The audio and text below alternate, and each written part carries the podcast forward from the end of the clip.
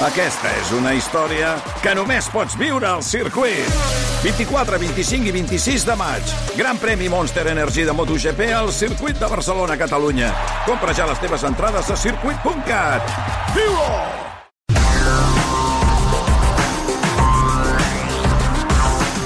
Passen 10 minuts de les 5 de la tarda. El pedrasta dels maristes, Joaquín Benítez, s'ha presentat aquest matí davant l'Audiència de Barcelona. Ho ha fet amb la cara tapada, caputxa, mascareta, gorra i ulleres de sol. L'havien citat per informar-lo que té 10 dies per entrar a la presó i complir els 21 anys de condemna que li van imposar per abusar de menors quan era professor. Avui parlem sobre aquest i altres temes amb el periodista de successos i tribunals de la Vanguardia, Toni Muñoz. Toni, bona tarda. Bona tarda. Avui molts temes damunt de la taula. La gran pregunta. Això arriba sis anys després de confessar els abusos. Per què encara Joaquín Benítez no havia entrat a la presó? Doncs mira, aquesta és una de les grans preguntes que ens hem anat fent a mesura que anava avançant aquest tema de, de Joaquín Benítez, que és el padrastre, padrastre, confés, confés, dels maristes. Aquest exprofessor, recordem, a l'any 2016, quan es van, bé, van sortir a la llum, sobretot després que el periòdico no? hi, hi hagués el pare d'un alumne doncs, que et denunciés que el seu fill havia estat víctima d'abusos sexuals per part del seu professor de gimnàsia, es va generar un gran enrenou, van sorgir fins a, i van sortir moltes més víctimes, fins a 26, que van dir haver estat víctimes d'aquest eh, professor dels maristes. Aleshores, el temps de prescripció doncs, era menor, finalment només 4 d'aquests abusos van poder arribar a judici, perdona, Sí, quatre d'aquests abusos van arribar a judici i, malgrat que ell havia confessat a l'any 2016, ell va ser jutjat a l'any 2019, li van imposar ja aleshores, a l'any 2019, una pena de 21 anys i 9 mesos de presó, i arribem a l'any 2022, aquest senyor encara no ha entrat a la presó, malgrat que el Tribunal Suprem finalment li va imposar una pena de 21 anys i 9 mesos de presó. És a dir, que tot això comença el 2016, del 2016 anem al 2019, som al 2022 i tot, tot just ara és quan hauria d'entrar a la presó. Sí. Aquí, eh, quan va acabar el judici i se, va, se li va imposar aquesta pena, l'any 2019, 21 anys i 9 mesos de presó, que no és poc bro, no, no és poc, diguéssim, aleshores el tribunal eh, va dir que no se'l podia enviar a la presó perquè encara, com que la sentència no era ferma, es considera que si tu entres a la presó compta com a presó preventiva. I una presó pre preventiva no serveix per avançar-se al contingut d'una sentència. No ho entenc. Això, eh, Això que sí. acabes de dir no ho entenc. És a dir, aquí el que, ve, el que venen a dir és nosaltres no podem... Descodifica-ho perquè... Sí. Sí. Nosaltres no podem prejutjar una, malgrat que una cosa hagi estat jutjada, fins que no arriba a última instància, que és quan tu ja acabes totes les possibilitats de recurs, no? De, i Però ell, arribes a però ell l'última no, és- no és instància... confés, és, és, és confés. Aquest és el tema. Aquest és el tema. I és després que, una altra cosa, hi ha molta gent que entra en presó preventiva. I tant. A veure si no entra gent en presó preventiva. Efectivament. I per, i, I per fets molt menys greus que aquest. Ho dic perquè No, que no no, ell confessa aquesta pena i tu ens estàs dient no, no pot entrar a la presó perquè encara la sentència no era ferma, no pot Clar. ser preventiva, però és que no hi ha un dubte sobre aquest cas. Aquest és el tema. És que aquest és el tema. Clar, moltes vegades es pot dir, clar, és que no, ens, no, ens, no podem anticipar el contingut d'una sentència. Clar, però és que en aquest cas ell mateix ha confessat els abusos. Ell ha acceptat els fets. Per tant, no, no canviarà res una sentència ferma perquè ja ell mateix ho ha acceptat. Per tant, potser que comencem a reparar el dany i que aquest senyor comenci a pagar pel mal que ha fet. Sí, perquè no, no crec que estiguem parlant d'un cas on això es pugui repetir, és a dir, on hi hagi una alarma social. Eh, entenc que eh, ell ja no està en contacte, en principi, en una escola En principi, no. amb, amb menors. És evident que pot estar en contacte amb altres menors que no siguin d'una escola, això també podria arribar a passar, però el que és sorprenent és que passin tots aquests temps I després eh, pensant les estranyíssims. víctimes. O sigui, sí, per, sí. per una víctima, saber que aquest senyor se l'ha jutjat, se l'ha condemnat, ha acceptat els fets i saber que està fent la seva vida com qualsevol persona que no ha comès cap delicte... És que si tu et poses en la pell del familiar, dius, doncs mira, li han caigut tants anys de presó, eh, s'ha fet justícia, ara entra a la presó. Doncs no, això ho podia pensar una víctima l'any 2016 i som al 2022 i encara no ha entrat Però, perdoneu, encara hi ha una cosa que no entenc. És a dir, si ara, li, ara ja la sentència és, és ferma, Sí. perquè li diuen, bueno, d'aquí 10, té 10 dies per entrar a la presó, com aquell que dius, bueno, ja, ja vindrà. Sí, sí. Bé, eh, en aquest cas tot ha sigut... Eh, Però això no té ni cap ni peus, és a dir, si, si la sentència ja és ferma, escolta, hi ha un senyor allà i el porta a la presó. Sí, bé, doncs avui el que li han dit és vingui... Això, mira, la sentència ferma va ser del 19 d'octubre, és a dir, ja fa uns quants dies. I va dir, el dia 14 de novembre mes, el citarem es presenta vostè a l'Audiència de Barcelona, li lliurarem un paperet en el qual li diem que té 10 dies més per triar un centre penitenciari, el que vostè vulgui, Però, però què és això? i, i ingressi voluntàriament Això a la presó. ni ho entenem nosaltres, ni segurament ho entén el Toni Muñoz, ni les víctimes, evidentment, no ho entenen. Sabem què ha fet ell durant tot aquest temps? Perquè, clar, jo aquí he fet una presumpció que ja no estava en contacte amb menors, però eh, En jo no sé què, ell què ha, ha fet. estat eh, acompanyant el seu, el seu germà, que té una, fi, té una discapacitat, i ell deia doncs, que estava tota l'estona cuidant el seu, el seu germà. En principi, ell se li van imposar una sèrie de mesures cautelars, com per exemple la prohibició de sortida de l'estat espanyol, també la retirada del passaport, per assegurar, en teoria, doncs, que no fugia. També havia de signar periòdicament el, el jutjat, i amb aquestes mesures cautelars el jutge, o en aquest cas el tribunal, va considerar que ja n'hi havia prou per esperar a que la sentència fos ferma. Jo insisteixo, una de les coses que no he entès mai d'aquest cas és en altres casos sí, no? de dir, vale, no cal que ens, ens anticipem, que ens avancem al contingut de la sentència, però en aquest cas estem parlant d'un pedrasta confés, mm. que ha confessat els fets, que ha admès els fets, i que, per tant, poc canviarà la sentència ferma. I, de fet, els, els fets amb, amb, com diu, los hechos me remito, i és que la, la sentència inicial era de 21 anys i 9 mesos de presó, i la sentència final ha estat de 21 anys i 9 mesos de presó. Bueno, i que, evidentment, doncs, eh, respectant tot el que haguem de respectar, eh, no és el mateix eh, un desfalc eh, econòmic, diguem-ne, que queda fet i ja està, que un cas de... Eh, de pederàstia. Sí, sí, d'abusos sexuals a On no, l'escola. on no saps què pot arribar a passar. Mm, Sí, sí, aquí estem parlant doncs, Des del que, 2016 al 2022. que aquest senyor el que feia entre els anys 2006, 2007, 2008 va abusar de, de quatre nois de l'escola Maristes la, de Sants les Corts, nois de 12, 13 i 14 anys que estaven en ple procés de formació, de buscant la seva identitat eh, pròpia, mm. i aquest senyor doncs, els tancava en, en el vestuari i amb l'excusa de, de, de curar-los algun tipus de, de lesió doncs eh, aprofitava per abusar sexualment d'ells i no van ser els únics, és a dir, arran de que es difongués aqu- aquest cas o el primer cas, van aparèixer 26 noves víctimes que el cas estava, els fets estaven prescrits perquè havien passat ja bastants, bastants anys, però en fi, les seqüeles per a aquestes víctimes no estan, no estan prescrites. No té cap sentit, no li trobem cap explicació. No. Jo crec que ni, ni que ens ho expliquessin jurídicament entendríem per què eh, una persona que confessa el seu crim no ha d'entrar a la presó immediatament i, a més a més, en un cas tan sensible com, els, com el que ens ocupa. No hi ha explicació que nosaltres us puguem donar, ni hi ha raó mm, legal que se'ns passi pel cap, perquè per què una persona que, a més a més, té 21 anys de condemna, és a dir, és una condemna molt, molt dura, és una condemna eh, fot- potent, forta, no entri a la presó eh, des del 2016 fins al 2022 i ara encara estem en 10 dies de marge per... En fi,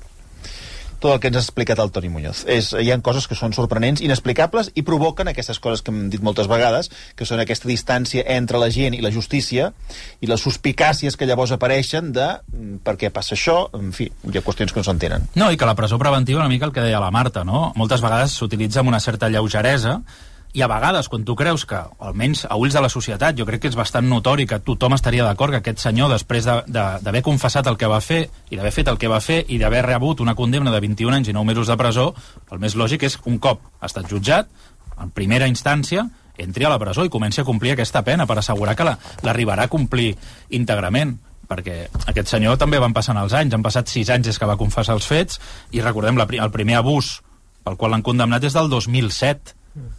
Vull dir, és que fa 15 anys. Però per això, quan parleu amb jutges o amb advocats i tot això, què us diuen quan dieu que la gent del carrer, aquesta, aquesta disbauxa no s'entén? Bé, ells, a, a nivell jurídic, l'explicació és aquesta, no? És a dir, encara es considera que és presó preventiva, per tant, mm, s'estaria vulnerant la presumpció d'innocència, no? Però Quan no hi ha d'haver presumpció d'innocència perquè ell mateix ha confessat el Clar, crim. aquest és és el que és totalment absurd. Clar, és és que és, és increïble. Però és que no, no, no, no, no me'n sé venir. No, no. no, no.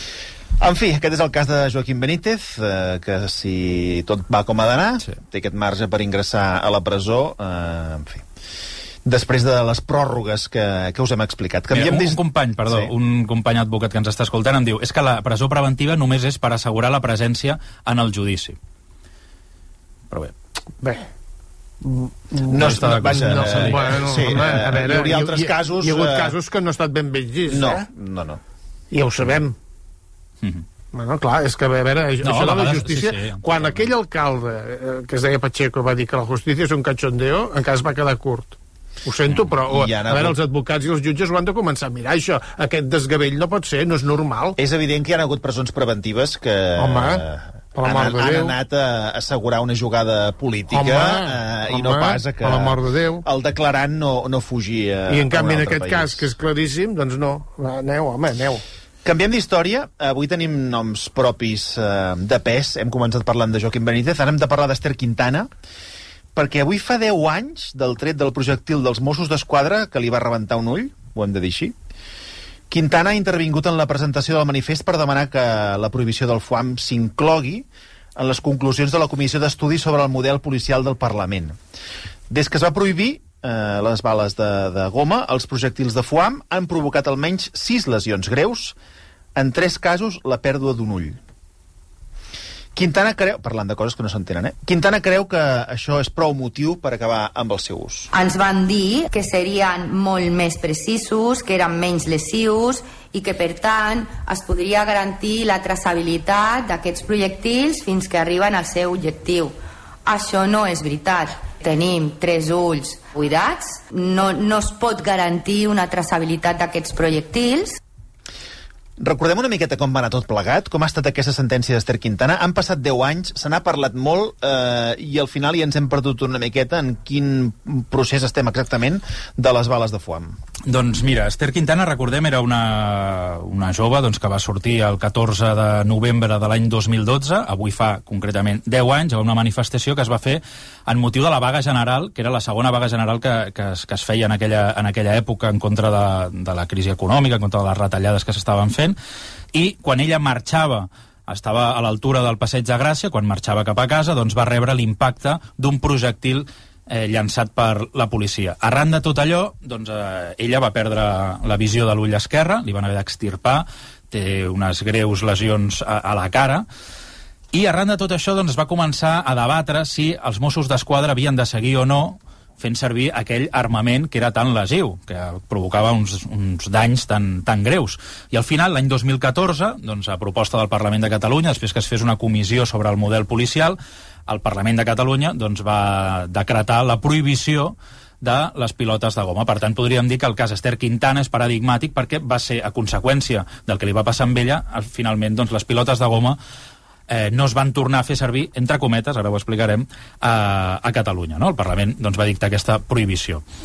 Deu anys després, en quin moment ens trobem? Doncs ens trobem doncs, que els Mossos d'Esquadra han canviat molt els seus sistemes d'ordre públic, és a dir, la seva manera d'actuar davant de grans concentracions, de grans eh, manifestacions. Ara doncs, s'ap- s'aposta molt més doncs, per una, en fi, dispositius de distància, que es diu, que és controlar les masses des de la distància, no entrar al xoc, ja no veiem també a vegades les veiem, eh? però no, en teoria, doncs, tantes, tants xocs amb els manifestants, i tot això és arran del que va passar en el cas de, de l'Ester Quintana, pel qual avui doncs, s'han complert aquests, eh, aquests 10 anys.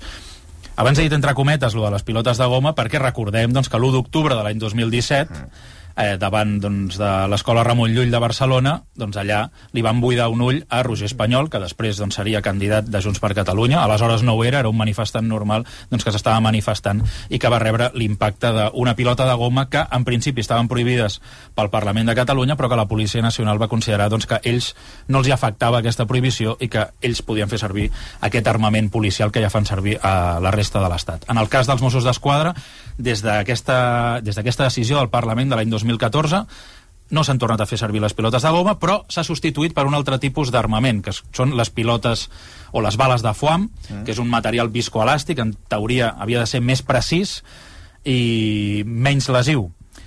Eh, clar, avui que es fa balanç, diguéssim, de com ha anat, quin és l'escenari en el qual ens trobem després doncs, del cas d'Ester Quintana, ella mateixa, així com altres entitats de drets humans, han explicat doncs, que des del seu cas fins ara s'han produït nou lesions d'aquest tipus, algunes oculars, altres doncs, que han impactat a parts del cos i això ha provocat eh, danys greus a, a les persones. Una, un noi doncs, va perdre un testicle també per l'impacte d'un projectil viscoelàstic i tres persones més doncs, han perdut la visió d'un ull. Per tant, què diuen ara aquestes entitats? Doncs que això també s'ha de regular, que els projectils de foam tampoc s'han de poder fer servir. Els has tingut a la mà? Sí. Eh, la- I la diferència d'un i l'altre, com ho podem bueno, una explicar? pil... Aviam, el que deien bàsicament és que una pilota, una pilota de goma és eh, bàsicament un, com si fos un puny, Sí. és a dir, de, de, de la mida, no? Sí. I rebotava moltíssim. I això, el, ells, el, els Mossos d'Esquadra, el que feien era disparar al terra, i aquí és el que deien que, clar, es perdia... Es perdia el control. El control, quedava Ah, ja. completament Clar. descontrolada i no sabien a qui, a qui apuntaven o a qui disparaven, no? Ara, amb el cas dels projectils de foam, el que es fa és, en principi, apuntar a un objectiu concret.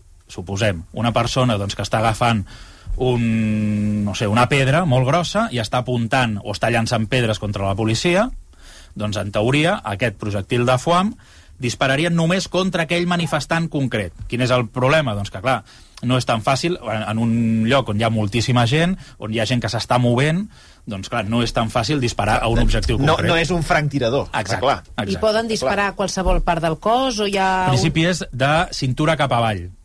Aleshores, clar. Clar, però aquí és el que diuen, no? És a dir, en principi és una distància determinada, eh, de cintura cap avall, però clar, s'han buidat uns quants ulls. Aleshores, el que et diuen és que, clar, moltes vegades són trets de fortuïts o gent que passa que es creua en la trajectòria, en fi. Jo, mm, eh, coses sen d'aquestes. sense ànim de voler-me posar en un jardí, trobo de molt mèrit, per dir-ho així, que, que un mosso, amb tot aquest aldarull, pugui anar a encertar eh, Bé, un objectiu. sí. Mm. Entenc que deuen estar preparats i que deuen, eh, deuen practicar tot plegat, però Sí. ho veig força complicat. Sí, i una mica també l'altra crítica que fan aquestes entitats és sobretot el tema de la traçabilitat, és a dir, és saber un cop ha passat això, qui és la gent que Bueno, ha disparat d'aquesta manera. Aquest és l'altre no? tema, perquè 10 anys després, qui li va buidar l'ull a l'Ester Quintana ha estat identificat? No, recordem, es va fer un judici contra és dos que. Mossos d'Esquadra, un, un sergent i un...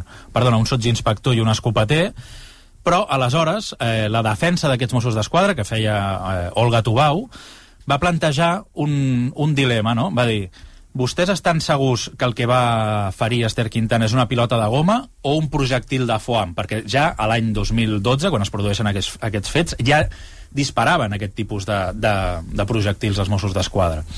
Aleshores, eh, els pèrits van dir que no es podia saber què li havia impactat, si havia estat una pilota de goma o una bala de foam.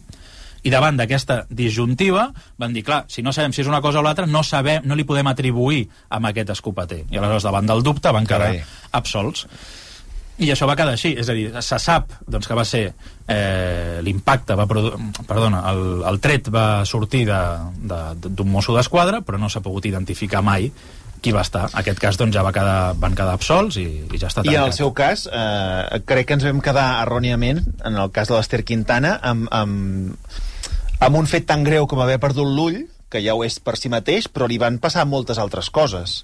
És a dir, ella va, va, va viure un calvari en, en, en, en tot aquest procés de recuperació. Sí, ella, vaja, no només que ja és greu, eh, mare meva, perdre aquest ull, sinó que, a més a més, eh, es va haver de sotmetre a diverses operacions, vull dir que és tot un procés eh, que no només ha estat eh, aquest impacte. Sí, sí, de fet, ella ha explicat avui, ha recordat eh, que va haver de- de ser- d'estar de, sotmesa a sis operacions Veus? quirúrgiques, Imagina't. va haver d'afrontar tot el tema el que era aquesta agressió, després el dany estètic que li va causar, que li costava fins i tot eh, tenir relacions socials normals degut al seu aspecte en un primer moment. És a dir, no és només el dany físic, sinó també hi ha una part de dany psicològic, doncs, ja, i després el propi fet de només treballar amb un ull, doncs això també és un, és un sobreesforç, no? I aleshores, bueno, doncs aquell, clar, amb ella li va canviar la vida aquell... Avui fa 10 anys, aquell 14 de novembre de l'any eh, 2012, i bé, avui ella ho ha explicat en aquesta roda de premsa, ha demanat la prohibició dels projectils de foam i ha demanat, en un, ha dit una frase doncs, que a mi sincerament doncs, m'ha colpit perquè diu, jo havia de ser l'última l'última víctima ferida per una pilota de goma i no ha estat així, no? I segurament no serà així, pel que ens acabes de- d'explicar. De, No. Atenció al cas que us explicarem a continuació, perquè és possible que us hagueu trobat i semblava que era una cosa que estava desterrada del nostre imaginari, però ha tornat amb molta força.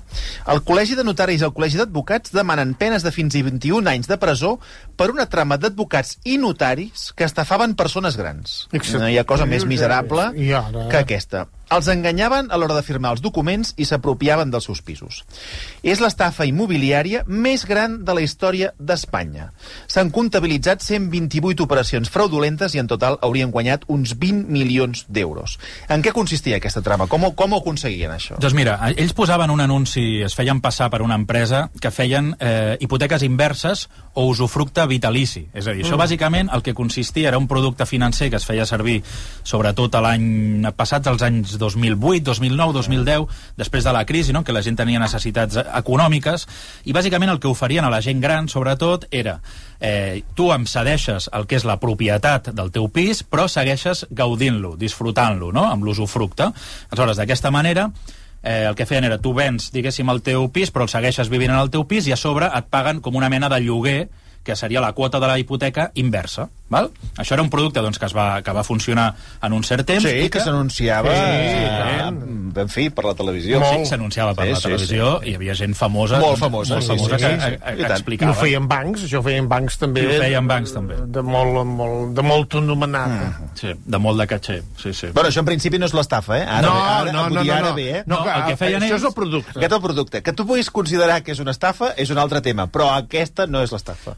Bueno, l'estafa consistia aleshores que venien aquest producte però no complien amb aquest producte. Ja. Bàsicament eh, buscaven a gent, gent gran sobretot, que tenia aquestes necessitats econòmiques, es presentaven a casa seva, havien de, els hi feien signar uns papers, els portaven davant d'un notari, un notari que ja estava conxorxat Imagina't. en tota l'altra trama, increïble. Eh, i aleshores És increïble. signaven aquests documents i el que feien era simplement vendre la seva propietat a canvi de no res o de molts pocs diners o a un preu molt baix de mercat i no cobraven mai més cap altra renda d'aquestes mensuals que havien de... Sí, arribava un punt que se li acabaven els diners.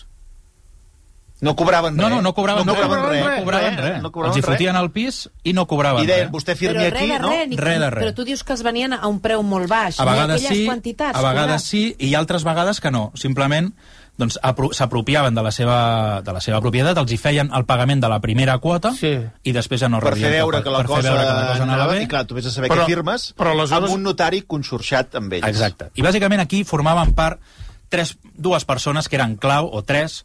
Una és Francisco Comitre, que era una persona doncs, que era exmodel, un senyor doncs, que si busqueu les fotos per internet doncs, era molt guapo, molt ben plantat, que es feia, feia fotos, no? és a dir, davant de...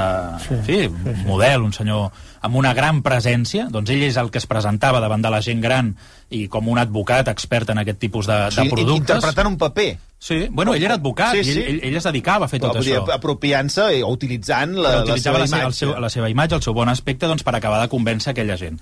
Juntament amb ell l'acompanyava un altre senyor que es deia Artur Sagarra, i que es diu Artur Sagarra, i que està ara mateix complint condemna a Tailàndia per la mort d'un altre català a Sí. Bangkok. Ai, sí. Què me'n estàs dient? Recordeu? Oh, tant. Hòstia, però com hem anat a parar aquí ara? Recordeu un se... bueno, aquell senyor doncs, que apareix tot ple de tatuatges, Sí, que havia sí, estat, sí. ah, Bueno, doncs que va matar a un altre català a Bangkok, Sí. que el va segrestar durant, unes, durant uns dies, sí, sí, eh, sí. finalment el va, el va matar i el va esquarterar i el va llançar doncs, al riu, i després doncs, va ser detingut, condemnat a pena de mort a Tailàndia, i després li van commutar aquesta pena per una cadena perpètua. Val? Pues aquest senyor és l'altre estafador que presumptament participava d'aquesta trama, anava acompanyat d'aquest exmodel, d'aquest advocat. Val? I després l'altra peça d'aquesta trama eh, immobilia d'estafes immobiliàries és un notari que es deia Enrique Peña, que tenia un despatx aquí a l'Avinguda Diagonal, gairebé amb Rambla Catalunya, és a dir, un molt bon lloc, una notaria de l'Avinguda Diagonal, mm. de Barcelona, que això també doncs, li donava cert prestigi i, eh, i respectabilitat, no? i honorabilitat. Aleshores, aquest, un cop tenien aquestes víctimes detectades, portaven amb, amb el notari a signar aquests papers. El notari, en teoria, la seva feina era fer veu bueno, eh, colar, no? És a dir, No, dir, bueno, aquests papers estan conformes. estan amb- conformes amb i són correctes. Ell ho certificava... Ell ho certificava, tot i saber que no que era no correcte. eren correctes. I aleshores, doncs, eh, signaven això, el, aquestes persones perdien la seva propietat, O, que, però què passava? Els feien fora? en alguns casos sí, en alguns casos no. Però hi ha gent que sí, que va haver de marxar de casa seva, i hi ha gent doncs, que ja ha, seguit, ja ha seguit vivint, però que, per exemple, ja no ha seguit cobrant aquesta renda, o, per exemple, no s'ha pogut demostrar que encara siguin els propietaris, i, per tant, no poden llogar ni poden vendre aquella propietat. Estàs totalment agafat. Totalment Estàs agafat. tot- És a dir, tu estàs allà, pot arribar a l'extrem que vingui un senyor i digui no, no, és que això vostè ja no és de la seva No, això és- propietat. això és meu, això és perquè meu. ho he comprat. Exacte, vostè Clar. ja pot anar marxant. És increïble. I què feien aquesta gent? És a dir, un cop s'apropiaven d'aquest- d'aquests habitatges, traspassaven aquest, aquest, eh, la propietat a altres empreses, fins a 42 empreses que tenien ells per moure i acabar doncs, emmascarant de qui era, re, qui era realment el Però propietari. això és un pla eh, molt ben rumiat i amb una infraestructura eh, potent, eh? Sí, no, no, I i s'han rever, s'han revertit no, aquest és el problema. És a dir, Oh. durant set anys els Mossos d'Esquadra han estat investigant aquesta gent i, sobretot, estaven en un autèntic laberint, perquè anaven buscant de qui eren aquestes propietats. I malgrat saber, per exemple, jo vaig entrevistar una senyora que li havien fotut el pis, ella seguia vivint en, en, en el seu El pis, seu, però sí. el volia posar en lloguer per anar-se'n a una altra petita residència, a una, bé, una, una segona residència Sí, que sí. tenia, no? Diu, però clar, és que jo, si no poso al lloguer aquesta, Esclar. no puc pagar l'altra, no? I clar, eh, això preventivament, com que està sota investigació, ningú li podia tornar aquesta propietat fins que no hi hagi una sentència ferma. No, és i el que a- dèiem. a- avui el tema de la secció són els plaços de la justícia. Clar, eh? la justícia. Eh, en quin forat hem anat a caure? Clar, i és un cas molt complicat perquè sobretot d'anar determinant de quina manera hi on ha anat a parar aquesta propietat. En alguns casos també el que ha passat és que aquesta propietat ha acabat en mans d'un particular que va comprar un pis de bona fe, que, pensant que ell creia que comprava comprava legalment un pis, sense que ara estan problema. vivint en aquell pis i ara han dit, escolti, però és que Clar, i aquest si pis va ser... pagat és... És clar. seu, però clar, diuen, no, és que aquest pis va ser obtingut d'una manera fraudulenta per una trama que va estafar a gent gran. Clar, I, clar, i aquest a senyor mi diu, què "Home, m'explica? a mi què Jo, m'explica?" clar, jo he pagat uns diners. Clar, doncs Mare ara meva. tot això el que ha de, el que ha de passar és en principi, aquestes víctimes, si no els hi poden tornar a la seva propietat, Donar-li un altre. el, no, els hi donaran diners eh, bueno, amb, amb l'equivalent com, del que com costi. es donen diners? D'on surt això? Bé, doncs d'aquesta gent són 17 acusats que han posat de, com a fiança 15 milions d'euros que en principi han de servir I amb això Per- arriben per pagar totes les víctimes? ja veurem, són 128 les operacions. 128? 128 No, no operacions sé pas si arribem, eh? No Jo sé no sé pas, si arriba, depèn, eh? depèn No dels pisos i de les immobles. No arriba. Ja veurem, ja veurem. I clar, i això és... Bé, doncs els tres eh, principals acusats són aquest notari Enrique Peña, Artur Sagarra, que consideren que està emperador desconegut, quan tothom sap que Home. està a Tailàndia, per tant, Home, desconegut és no és. No, no. Sí. Però recordem que aquest senyor va marxar a Tailàndia un cop es va veure perseguit per aquesta trama. És a dir, aquest senyor l'estaven investigant, ell va fugir, va anar a Tailàndia i allà va acabar cometent un crim d'un altre català a qui va acabar, doncs... Eh, aquesta a Sobertó. història, no, eh, o sigui, eh, en fi, té, que- té, té un ramal eh, increïble. Acabarem, eh, perquè eh, hem d'anar a fer, hem d'anar un, La justícia a un és feta pels pobres, ja hem d'anar un comiat, senyor Marcelí. Sí. A Santa Coloma de Farners acomiaden els contenidors i fan tots uns actes Ah, i ara anirem a veure què passa. Sí. Però abans acabarem parlant d'una altra macroestafa. Els Mossos i la Guàrdia Civil han participat en un dispositiu europeu contra una estafa milionària amb l'ús de criptomonedes. Compte, perquè això de les criptomonedes es carrega el diable. Ja. Es creu que hi ha centenars de milers de víctimes des del 2016 i que el frau arribaria als 50 milions d'euros. Què ha passat aquí? Doncs mira, s'està parlant de 17.000 víctimes només a Espanya. Fixa't. A només a Espanya, Només a 17.000. Espanya 17.000 víctimes. Fixa't. Aquesta era una trama doncs, que bàsicament eh, estava radicada a Albània, Bulgària, Geòrgia, Macedònia i Ucraïna, i el que feien és, es feien passar per una gran companyia de compra i venda de criptomonedes, és a dir, on tu podies invertir els teus diners i ells et donaven una rendibilitat. Ells el que feien sobretot és eh, trucaven per a casa, no? Trucaven Sí. a casa, també buscaven a gent gran que no entengués gaire doncs, a qui li estaven parlant, demanaven diners, en principi, en un primer moment demanaven 250 euros i després ja anaven demanant molts més estalvis. Fins al punt doncs, que aquest frau s'ha anat estenent per tota Europa fins que es considera doncs, que això, el frau, arriba als 2.400 milions d'euros. Aquesta empresa es deia Ever FX i si busqueu, per exemple, el pantaló del Sevilla, veure, del, De l'equipació, de futbol, de l'equip de l'equipació, podeu veure que s'anunciaven al, al pantaló del Sevilla. Ja. És a dir, que posaven anuncis, que es feien passar com una empresa molt seriosa, fins i tot els propis clients podien seguir el rastre dels seus diners, és allò que et connectes per internet i vas veient si el gràfic Sí, si si puja, si puja, baixa... baixa, que sempre Sí, sí. baixa. Sí. Doncs tot això sí. també ho tenien, tenien contractats fins a 200 informàtics que està s'encarregaven doncs, de, de simular i de maquinar que existia alguna cosa, quan en realitat no existia res, Fixa't. I d'aquesta manera anaven doncs, na, na, fi, anaven, O sigui, que els anaven diners enganyant. aquests anaven a les butxaques dels... Anaven d'aquesta Home, sí, sí, sí. Directes, eh? Directes i O després... anava a, a la criptobutxaca. Sí, i de Home, fet va ser anava. gràcies a una senyora que es deia Mercè de Puigcerdà, Fixa't. que en un primer moment doncs, va, anar, va anar donant diners i diners i diners i diners fins a 500.000 euros, Va, home, va, va, home, va. Fins que quan va demanar que li tornessin aquests diners, o almenys les inversions li donguessin el, el rèdit que havia s'havia compromès, doncs van desaparèixer.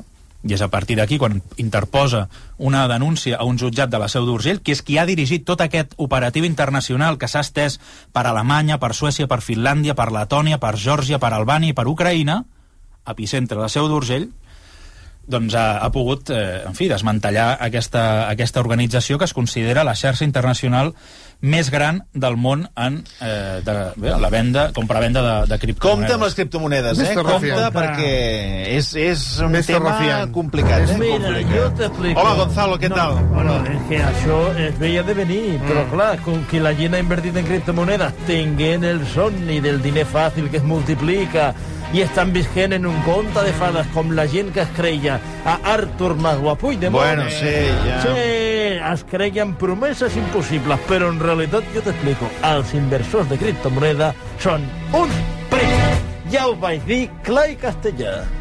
A, mí me sabe mal todas aquellas personas que los han engañado, incluso algunos economistas que les han dicho que esto era una revolución, que era el no va más, y se han creído que podían coger y con sus inversiones en criptomonedas dejar de trabajar y ponerse única y exclusivamente a mover el dinero. Son unos auténticos primos. Escolta, però tal qual, jo t'explico. Fa any n'hi havia el primo de Zumosol, ara n'hi ha el primo de les criptomonedes. És així, i a qui no li agradi, a picar-se la Doncs mira, a picar-se a dos pedres. Jo que vaig posar dos duros a les criptomonedes I en què, aquell com moment, en aquell moment que si no tenies bitcoin semblaves idiota, I perquè què? tothom, ui, escolta, Què, has no, no estàs a algo? bitcoin? Has guanyat algo? Horrorós, no? De baixada, però avall, eh, Ah, que sí? diria vostè, en picat. Entro a veure els gràfics i ja no m'hi caben al telèfon, surten per sota la fletxa perquè tot ha sigut pèrdues. Pues mira, Surt un a altre primo. Et surt a pagar. Exacte, pràcticament, eh? Pràcticament. Toni, moltíssimes A gràcies. Fins la propera. Ara anirem de funeral, Qui s'ha per dir-ho mort? així. Ai. Sí. Bueno, s'han mort els contenidors a Santa Coloma de Farners Ai. i aquesta tarda hi ha tots uns actes de comiat que no doneu crèdit. I ja hem enviat l'estadella, a veure si ens el tornen amb un contenidor també, però ara us expliquem què fan. Versió RAC 1.